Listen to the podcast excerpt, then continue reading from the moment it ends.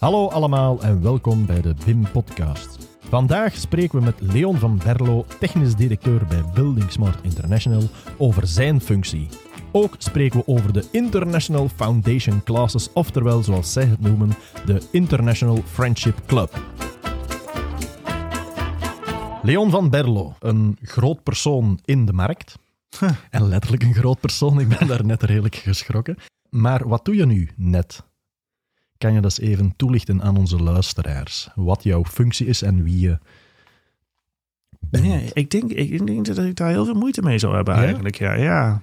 ja want de, dus mijn, mijn functietitel is eh, technisch directeur bij Building Smart International. Maar wat ik precies doe is eigenlijk... eh, ja, dat weet ik eigenlijk niet zo goed. Ik, eh, dat is een, het verschilt een beetje per dag. Ik heb het idee dat ik over het algemeen vooral bezig ben om van die open BIM onderwerpen die al honderd jaar redelijk vastzitten en Ja. zich niet ontwikkelen, om die proberen los te breken. Om eh, ervoor te zorgen dat dat weer een beetje, dat er weer een beetje voortgang in zit. Oké. Maar dat is, ja, hoe dat nou precies gaat en zo, dat verschilt een beetje van dag tot dag. Het is voor mij ook elke keer weer een verrassing.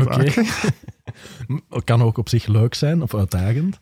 Ehm, maar Building Smart aan zich, ehm, wat doen jullie juist? Ja, wij zijn, wij zijn een soort van eh, noodzakelijk kwaad, eh, vertel ik het altijd. Mhm. De, de, de bouwsector is een heel gefragmenteerde sector. Dat komt omdat er heel veel specialisten zijn. Ik vind het ook altijd moeilijk om bouwsector te vergelijken met andere sectoren. Dus in een, in een gemiddelde andere sector is er één of twee grote spelers. Die zetten de richting van de innovatie. En die, die zeggen van nou, zo gaan we het doen. En die hele supply chain die volgt dan eigenlijk vanzelf. In de bouwsector, als de grootste partij zegt... joh, we gaan het nu vanaf, vanaf nu zo doen en op deze manier... en dat is allemaal beter... dan zegt eigenlijk de hele supply chain van... ah, veel succes daarmee. Ehm, en die blijven hun eigen ding doen. Dus op het moment dat je iets wil veranderen in de sector... heb je altijd een soort van kritieke massa nodig... van meerdere partijen die bij elkaar komen... Die, ehm, die, die een soort van consensus proberen te vormen. Vaak gaat het ook helemaal niet over wie het beste idee heeft of zo. Maar het gaat er meer om van als, als we maar afspreken dat we het allemaal op dezezelfde manier doen, dan gaat het in ieder geval efficiënter. En ja, dat bij elkaar komen, dan moet je bijna wel op een neutraal platform doen, in een, in een neutrale omgeving. Dat moet enigszins gestuurd worden door neutrale mensen die daar nog bij zitten, datamodellering. En het is die neutrale rol die jullie op zich nemen. Ja, eigenlijk ehm Building Smart is, is opgericht ergens in de jaren 90 of 94, 95 of zo. Ehm, er waren oorspronkelijk twaalf eh, partijen die, eh, die, het hebben, die het hebben gestart. Ehm, en ja, die, die neutrale rol in de bouwsector, eh, zeker dan rond data en standaarden en ook wel andere soorten van innovaties, dat is Building Smart geworden. Oké. Eh, datastandaarden, eh, vlekkeloos in het volgende onderwerp. Welke datastandaarden zijn er langs jullie kant of hebben jullie mee ontwikkeld? Ehm, ik denk dat de IFC, Industry Foundation Classes, is de meest bekende, meest beroemde. IFC. Ja. Ja, ja het, is niet, is niet de meest geweldige marketingnaam, maar... ehm, Je had daar straks eh, bij ons introductie nog een andere naam voor IFC, of een Ja. andere afkorting. ja, onze, onze, onze voorzitter van de Raad van Bestuur, Patrick McClamey, noemt het altijd eh, de, de, de International Friendship Club. Omdat we met zoveel, ehm, zoveel internationale partners bij elkaar zitten. We zijn georganiseerd in chapters. Er zijn heel veel lokale organisaties van Building Smart. Ehm, en ja, die, eh, de- wat ik zei, dat neutrale platform waarbij je elkaar komt om afspraken te maken, dat, dat wordt vaak ook de International Friendship Club genoemd, ja. Oké. Maar IFC is niet meer weg te denken in de bouwsector. Ehm, waarom is dat nu net zo belangrijk, een IFC? Ja, nou ja, dit, dit- is een beetje waar dit gesprek lastig wordt. Hè? Dat is, want hier ga ik eerlijke antwoorden geven in plaats van reclame maken. Dat is de- nee, dat is, ik zou graag een eerlijk gesprek voeren. Ik, ja, ik, ik vind het niet zo belangrijk. Ik ben niet zo'n.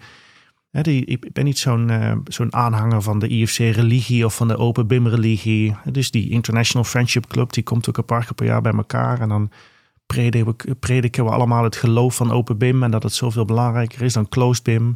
Wat het ook allemaal precies betekent, dat weet ik niet eens. Dus ja, of dat nou belangrijk... Ik vind het niet echt een goede term. Ik, wat Nee? ik al zei, ik vind het meer...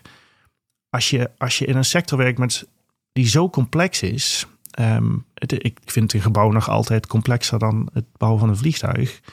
Ehm, daar heb je zoveel verschillende specialisten voor nodig. En die moeten allemaal afstemmen met elkaar. Die moeten allemaal coördineren. Ja. Daar moet, eh, na elke ontwerpiteratie moet er weer een nieuwe, uh, een, een, moet er weer een nieuwe berekening gemaakt worden over kosten en CO2-uitstoot en energie wordt steeds Mhm. belangrijker.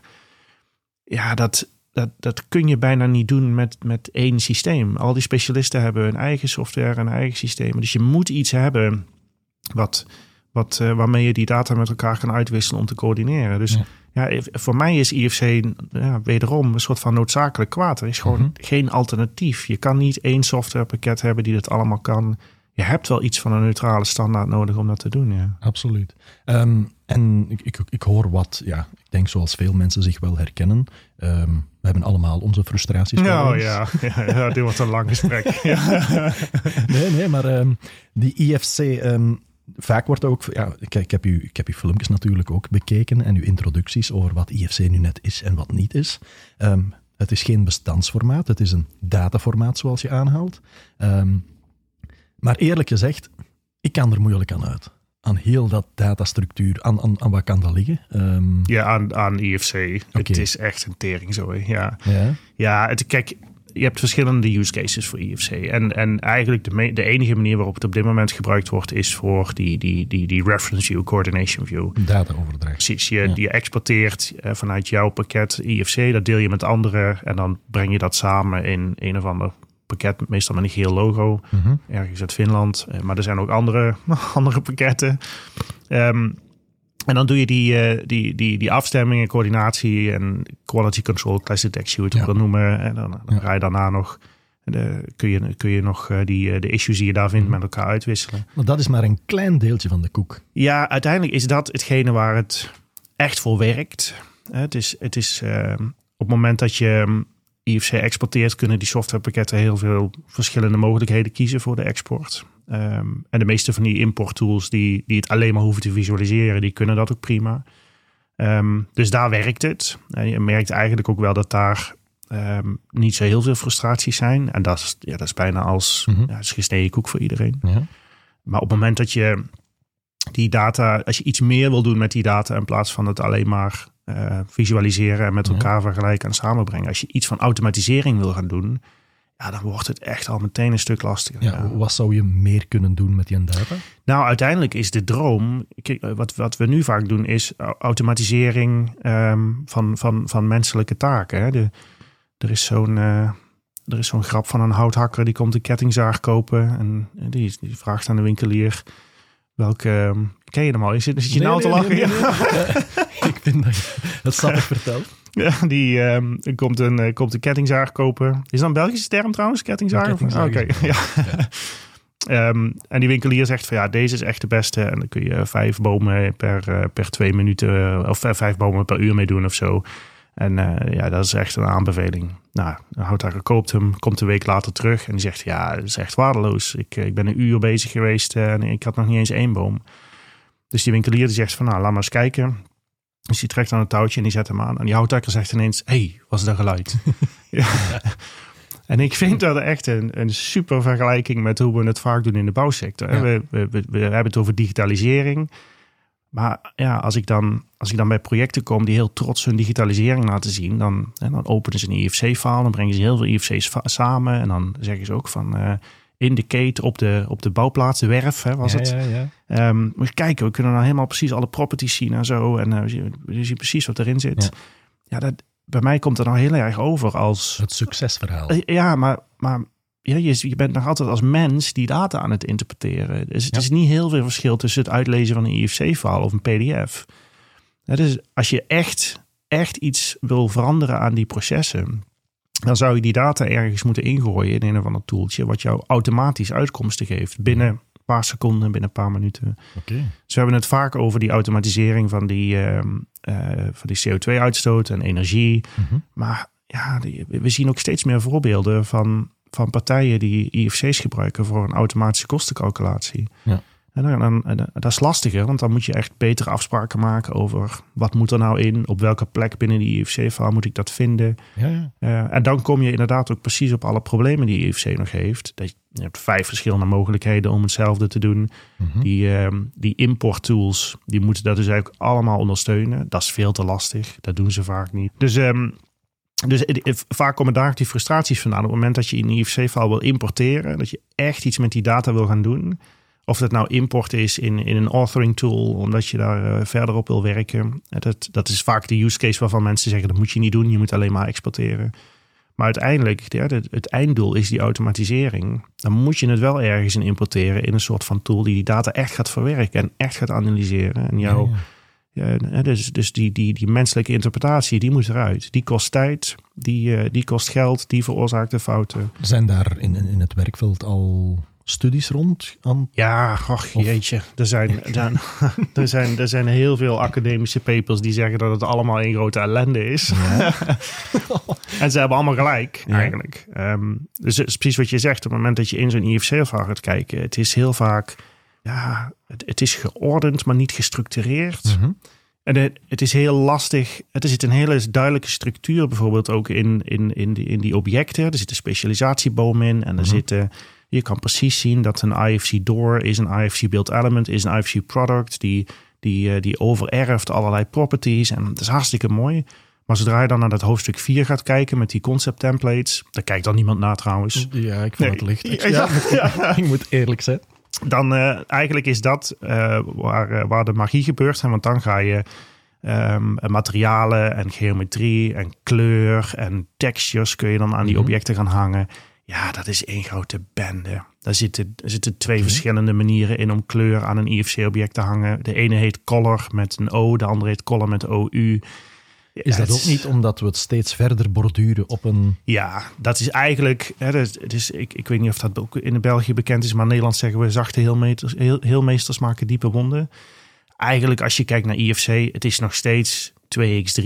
Het IFC 4, dat heette eigenlijk 2x4, maar dat marketingterm eh, moest dat IFC 4 heten. We, hebben- we zijn nu bezig met 4.3. Dat is eigenlijk nog steeds 2x5. En die x die staat voor extensie. Hè? Dus we hebben Eigenlijk hebben we een IFC 2 met extensie 3. Dat is IFC 2x3. En technisch gezien is IFC 4 eigenlijk IFC 2 extensie 4. Oké. Ja, je voelt hem al aankomen. Hè? Er zijn, de, dus de hele tijd is er van alles opgeplakt inderdaad en geprobeerd te fixen. Maar fundamenteel zitten we nog steeds op die IFC 2. En dat is ja, begin jaren 2000. En is dat dan omdat er mensen en middelen tekort zijn? Of, of is dat omdat het zo... Ehm, ik, ik denk dat het eh, uiteindelijk daarop uitkomt, ja. Er zijn mensen minder tekort, maar het is ook wel... Weet je, dit waren ook andere tijden. Hè? Begin jaren 2000. Het- het- de eerste keer dat ik IFC keek, was het... Was, was Building Smart. Het heette toen nog de International Alliance of Interoperability. Mhm. Ja, dat was twee man aan de paardenkop. En er waren een paar academici. En het werd een beetje in leven gehouden door Staatsbeek, zeg maar. De Rijksvastgoedbedrijf van, Ja. eh, van Noorwegen. Ja, dat was ook gewoon geen alternatief in die tijd. Je kan ook niemand de schuld geven hiervan. Het is Nee, zo nee, nee. Ehm, en het is nu super succesvol. Ehm, en bijna niet meer weg te denken. Ja, wat ik al zeg, het is een Mhm. soort van noodzakelijk kwaad. Mensen gebruiken het niet omdat het nou heel goed werkt. Ze gebruiken het omdat het het enige is wat werkt. Ja, absoluut. Ehm, dus je ziet nu wel steeds meer druk komen. Maar ja, er is ook, er is ook een hele lange geschiedenis. Die software implementaties die worden steeds beter. Als je er nu helemaal over een andere boeg gooit. Het, het wordt steeds moeilijker om die fundamentele veranderingen door te voeren. Eh, en hoe langer we wachten, hoe moeilijker het nog steeds weer Net wordt. omdat er zoveel partijen bij betrokken zijn Ja, en ja. bij werken. Ehm, Oké, je je zegt eh, veranderen. Ehm, de bouw is constant in verandering. Jij bent binnen, binnen Building Smart. eh, je hebt een, een, een redelijke functie. Denk ik dan toch? Als ik je... Een redelijke titel. Le- ja. Titel, titel. Ehm, stel nu, je mag iets veranderen aan heel het gebeuren. Eh, heb je daar al eens over nagedacht van, kijk, ehm, dit is iets fundamenteel dat we moeten veranderen en met heel de markt? Nou ja, dat is de reden waarom ik deze baan heb genomen. Ja. Ik, ik, ik, ehm, ik heb altijd een soort van haat-liefde verhouding gehad met Building Smart. ehm, voor, ik, voor ik deze functie kwam. Ja. Eh, dus ik heb, ik denk sinds, sinds een jaar of 15 of zo, zit ik wel een beetje in dit, in dit veld. Hè, rond BIM en open BIM en data. En lang gewerkt voor het Nationaal Innovatie Instituut in Nederland. Ehm, ja, Building Smart is dan de partij waarop je, ehm, ja, waarop je samenkomt, waarop je probeert die veranderingen door te voeren. Mhm. Maar het was altijd lastig om veranderingen door te voeren, want er was nooit genoeg geld. En er zaten altijd, er zaten altijd een paar eh, partijen die al heel lang daarmee bezig waren, die je eigenlijk moest overtuigen voor een verandering. Ehm, en dat is lastig, zeker als buitenstaander. Zeker als die ander niks te verliezen heeft. Mhm. Ehm, dus toen ik, ehm, een jaar of vier geleden nu denk ik, dat ik voor het eerst een mail kreeg met... eh joh, we zoeken een technisch directeur. Dit is het profiel, is het iets voor jou? Ja, ik, ik was eigenlijk meteen enthousiast. Voor mij was dat een motivatie om al die frustraties, zeg maar, al die dingen waarvan ik dacht dat ze in ieder geval zouden moeten veranderen. Ik had er niet eens precies een mening over hoe het zou moeten of welke kant op, maar het moest in ieder geval veranderen. Ja. Dus ik had toen, ehm, ik werkte toen part-time bij TNO in Nederland. Ik had ook daarnaast nog eh, wat, ehm, wat eh, eh, ja, ik, ik probeerde wat bedrijfjes op te richten, zeg maar. Mhm. Ik heb altijd al, dat is een heel ander verhaal, daar moeten we het niet over hebben. Nee, maar- nee, nee, maar Ja. ik, ik, ik, herken het. ik heb, toen, ik heb toen eigenlijk alles laten vallen. Ook vanwege conflict of interest met Building Smart. ook die bedrijven moeten verkopen. En eigenlijk all in gegaan op deze rol. En puur inderdaad om, vanwege de mogelijkheid om echt een verandering door te voeren. Ja. En? En toen ik begon, waren er vijf onderwerpen. En ik heb zowel tegen mijn, mijn baas destijds, Richard Petrie, als tegen mijn vrouw gezegd. Dit zijn vijf onderwerpen, die zitten muurvast. Die worden gegijzeld gehouden door verschillende mensen. Elk onderwerp door een eigen clubje mensen. Die moeten veranderen. Dat kan niet anders. Ehm, en ik weet zeker dat er duizenden mensen zijn die zitten te wachten op die verandering, die daarna snakken. Maar die hebben het ook al zo vaak geprobeerd. eh, die, die, die zijn sceptisch geworden. Dus die, die zijn niet meteen enthousiast als ik die verandering ga doorvoeren.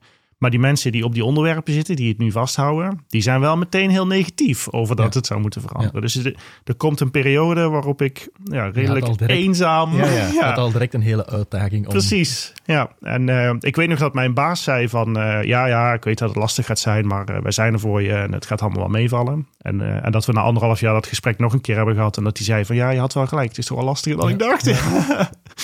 Ehm, Mag ik daaruit concluderen dat er van die vijf toch een aantal doorbraken waren? ja, zeker. We hebben wel... eh, Dus die, die vijf, die zijn ook... Er is zoveel weerstand. Ehm, dat is echt...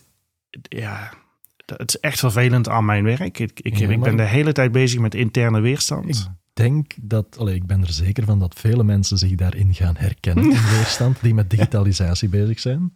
Ehm, maar dus gaat weerstand en Ja, en zoveel weerstand dat, dat eigenlijk die vijf onderwerpen is bijna onmogelijk om die allemaal, allemaal tegelijk aan te pakken. Dus we hebben eigenlijk die stap voor stap gedaan. De eerste was die Building Smart Data Dictionary. Ja, dat had zoveel eh, geschiedenis. Dat is begonnen als IFD library. Ehm, dat heeft eigenlijk nooit gewerkt. Dat is elke keer weer heruitgevonden met eh, nieuwe ambities en nieuwe use cases en eh, zelfs de nieuwe businessmodellen.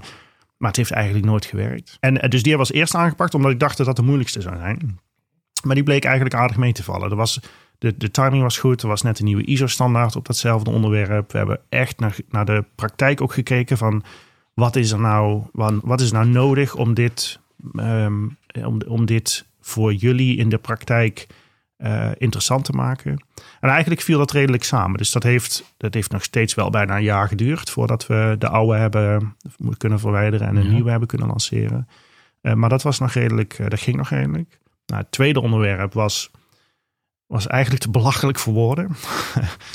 dat was, toen ik, daar, toen ik kwam, vroeg ik na een week of na twee weken van... eh, geef mij nou eens de laatste versie van IFC. Hè? Daar wordt aan doorontwikkeld. Ja. Ik weet dat de laatste versie die officieel gepubliceerd is, die staat natuurlijk op de website. Maar de laatste ontwikkelversie, er waren heel veel projecten bezig. We waren bezig met rail en infra. Eh, stuur die nou eens, waar is die? Waar kan ik die vinden? Dat wist niemand. oké. Ja, dat is echt te absurd voor woorden. Ehm, dus ehm, we, hebben toen, ehm, we hebben toen eigenlijk gezegd van nou, dat kan niet. Het is een open standaard. Iedereen moet open bij die laatste ontwikkelingen kunnen. De, de, Ja. de beslissingen die worden genomen, die moeten veel transparanter zijn. Nu komt er een nieuwe versie uit, uit een soort van achterkamer en iedereen is verrast. Mhm. Dat kan zo niet langer. Dus we moeten dat eh, open gaan ontwikkelen. Nou, GitHub is het meest logische platform daarvoor. Dus laten we dat nou eens eh, daarop zetten. Nou, dan bleek al, blijkt al dat eh, eigenlijk IFC al jarenlang in een soort van proprietary format beheerd werd. In een eigen gemaakte tool. Nou, dat was ook een hele simpele beslissing, dacht ik, om, om ervan te zeggen van dat doen we niet meer. We gaan dat in een, in een UML-standaard doen. Eigenlijk elke... Nu ben je Chinees aan het praten. Ja, sorry. Dat is, Ja. dat, is, dat is geen probleem. de, de, korte versie is. De korte versie is. Eigenlijk moet IFC gewoon uh, open beschikbaar zijn. Ook de laatste ontwikkelingen. Ja. De beslissingen moeten open uh, besproken worden. Uh, en, en ook de, de, de, de decisions, wat is dat in het ja. Nederlands? De besluiten, besluitvorming moet transparant zijn. En je moet kunnen zien van nou, dit is veranderd in IFC vanwege deze discussie. Eigenlijk zou je alles traceable, transparent, open moeten publiceren. Ja.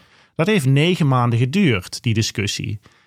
Dat is het uiteindelijk ergens opzetten was natuurlijk, technisch gezien is dit niet lastig. Maar ja, dus, er was zoveel weerstand om dat gewoon simpelweg online te krijgen. Ik begrijp nog steeds niet waarom. En, maar het werd ook heel persoonlijk op, Ja, ja. op, uh, op sommige punten. Ja. Uh, dus nou ja, dat was, dat was zo'n tweede onderwerp. Uh, we- nu zijn we bezig met software certificering. Dat kost mij letterlijk slapeloze nachten. Ja. Ik snap, eh, ik snap ook niet waarom, waarom dat zo lastig is. We hebben Ja. de grote software vendors die zeggen allemaal...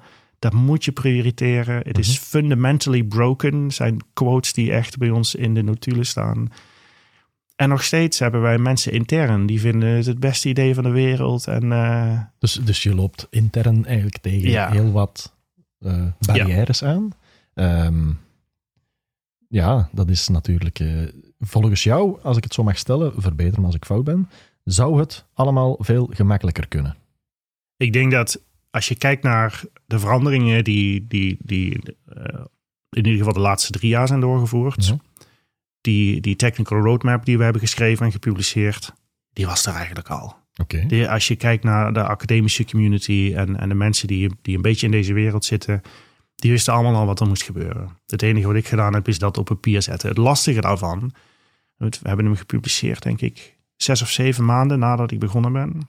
Ehm, hij was er eigenlijk al drie maanden nadat ik begonnen was. Het was helemaal niet lastig om hem op te schrijven. Maar om dat geaccepteerd te krijgen door de hele community, door alle chapters, door Mhm. al die, die, die, die, die steering committee clubjes die we bedacht hebben voor onszelf, eh, de- door alle eh, eh, strategic members. Ik weet niet wat, wat we allemaal hebben moeten doen om, die, om consensus te krijgen. En ook toen die gepubliceerd was, het eerste wat grote software vendors deden toen ik om hun feedback vroeg. Zeiden ze van ja, dat is allemaal hartstikke mooi en eh, het is mooi opgeschreven. We hebben dit soort documenten al vaker gezien. Maar het opschrijven is het lastige niet. Hè? Van hoeveel commitment Mhm. heb je nou Mhm. intern van de organisatie om dit ook echt te doen? En in al mijn naïviteit zei ik toen nog van nee, het is door alle clubjes geweest en iedereen heeft akkoord gegeven. Nou, we gaan dit echt doen. Maar, Ja, nou ja, we zijn het ook echt aan het doen, maar het is Ja, ja. inderdaad wel. eh, Ja. het, ja, de, de, de grote uitdaging is inderdaad om die, die, die, die onderwerpen die, ja, die eigenlijk gewoon gevangen gehouden Hm. worden door mensen die, die echt geloven dat dat de beste manier is om het te doen. en om dat allemaal los te laten, ga je dan een toertje fietsen, neem ik aan. Ja, ja heel veel. Ja. Heel veel. Ehm, het spreekwoord gaat dan ook wel op hoge bomen vangen veel wind. Maar er zullen toch ook mooie zaken aan zijn. Je hebt heel veel. ehm, je worstelt heel hard met iets door te, te voeren of, of iets eh, tot een conclusie te komen of tot een oplossing. Eh, maar waar krijg je zo eh, de energie van? Is dat net door die dingen aan te gaan of is dat. Ja, ik heb, ik heb toevallig een paar weken geleden Philadelphia nog eens teruggekeken, die film van Tom Hanks.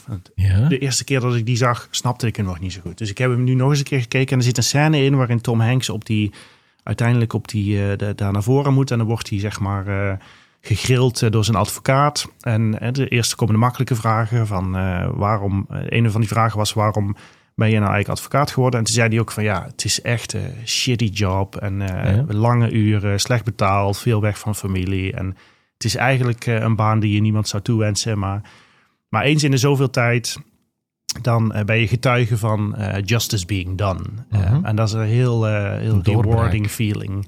Ja, dus, heel- en, en, en toen dacht ik van ja, dit klinkt wel een beetje als mijn baan. Ja, het is, echt een enorme klote baan. En Ja. je krijgt alleen maar een hoop shit over me heen. Ja. Het betaalt amper. Uren zijn lang. Ik ben hartstikke veel weg van mijn familie. Ja. Eh, het is veel reizen. Maar eens in de zoveel tijd, en dat gebeurt echt niet vaak, dan merk je dat, eh, dat, dat er een, een, inderdaad een soort van doorbraak is. Dat je een klein verschilletje hebt kunnen maken. Eh, dat mensen in de praktijk daar echt blij mee zijn. Ja. Dat die het echt gaan meteen snappen, meteen gaan gebruiken. Dat van die simpele, stomme dagelijkse handelingen die ze dan niet meer hoeven doen, omdat, ze- omdat je dat hebt kunnen automatiseren. Ja, dat is echt een mooi gevoel. Oké, oké, dat is dan toch ook nog eh, een positieve Klank. Je komt, eh, denk ik, vorige week dat je naar Amerika hebt gezeten. Staat er zo nog iets op het programma? Nee, vorige week was Trondheim, de week daarvoor was Helsinki, de week daarvoor was Boston. Ja. Volgende week is Parijs, daarna. Londen, daarna eh, Montreal, uiteraard onze summit. Wow. Ja, het, is, het reizen is wel echt veel. Ja, zeker deze september, oktober maanden is het natuurlijk altijd Ja. druk voor iedereen. Ja. Dus ik heb wel een beetje geluk gehad met corona, eerlijk gezegd. Ja, en Ja. Ik, ik, ik heb ook geluk dat ik jou eh, in de podcast heb kunnen krijgen. Eh, waarvoor dank alvast. Eh, we zijn zo goed als aan het einde ehm, van ons gesprek. Ehm, ik vraag op het einde van een podcast meestal naar een ultieme tip of, een, of een, een, iets dat je wil meegeven aan onze luisteraars. Ik zou eens ja, graag willen weten wat jij onze luisteraars zeker nog wil meegeven. Nou, ik, ik, ik denk als je, hè, om, om terug te pakken op ehm, waar we het eerder over hadden. Het, het, het meest voldane gevoel wat ik nu krijg, is van feedback eh, die ik krijg op mensen die de Building Smart Data Dictionary gebruiken. Dus dat is, wat ik al eerder zei, dat, is, dat heeft een historie van 15 jaar. Het heeft eigenlijk nooit gewerkt. Maar we hebben een jaar, anderhalf jaar geleden een nieuwe gelanceerd. Ehm, ja, dit klinkt een beetje als ultieme tip als we dan reclame maken voor onze eigen. ja. Maar ehm, het, is echt mooi om te zien hoe, hoeveel efficiëntie je kan behalen met die Data Dictionary. We hebben, we hebben die Montreal Summit over een paar weken. Daar komt Volker Wessels, eh, komt een half uur vertellen over wat zij allemaal doen en gedaan hebben en geëxperimenteerd hebben met de BSDD. Ja, die kunnen dus inderdaad automatische kostencalculaties gaan doen dankzij, eh, dankzij hun publicatie van hun eigen interne standaard in de BSDD. Dankzij de BSD wordt die gedistribueerd aan. Ja. Ja. ik zie aan jouw gezicht dat ik weer Chinees aan het praten ben. Ja, nee, nee, BSDD. De- de- de ultieme tip is: ehm, als je op korte termijn iets efficiënter wil maken aan je proces, Ja. ja. kijk dan eens naar de BSDD. En dat Ja. zijn allemaal nog lange films en zo. En het, is geen, het zijn geen korte TikTok-filmpjes waarin het allemaal eh, verkocht wordt. Je, Mhm. die zal er wel echt iets voor moeten, voor moeten doen om het te begrijpen. Ja. Maar daar, zit, daar is echt veel winst te halen. Ja. Oké, dan gaan we daar zeker mee aan de slag. Ik toch alvast. Leon, ik wil u enorm bedanken om tot hier te komen. Ehm, het is in Turnhout te doen op dit ogenblik. Eh, met de fiets was het niet zo ver, zei je? Ja, ja ik, inderdaad. Ja. Ik woon in Breda en ik heb het idee dat ik met de auto er net zo lang over doe Ja. als met de fiets. Ja, Maar met de fiets maak je je hoofd leeg en ben je niet aan het denken ja aan. precies. Eh, enorm bedankt en ehm, we horen elkaar nog. Graag gedaan. Dank Leon. Dit was de BIM-podcast voor deze week. Bedankt om te luisteren. Alle afleveringen over de BIM-podcast kan je terugvinden op Spotify en meer info over BIM kan je terugvinden op www.bimforum.be.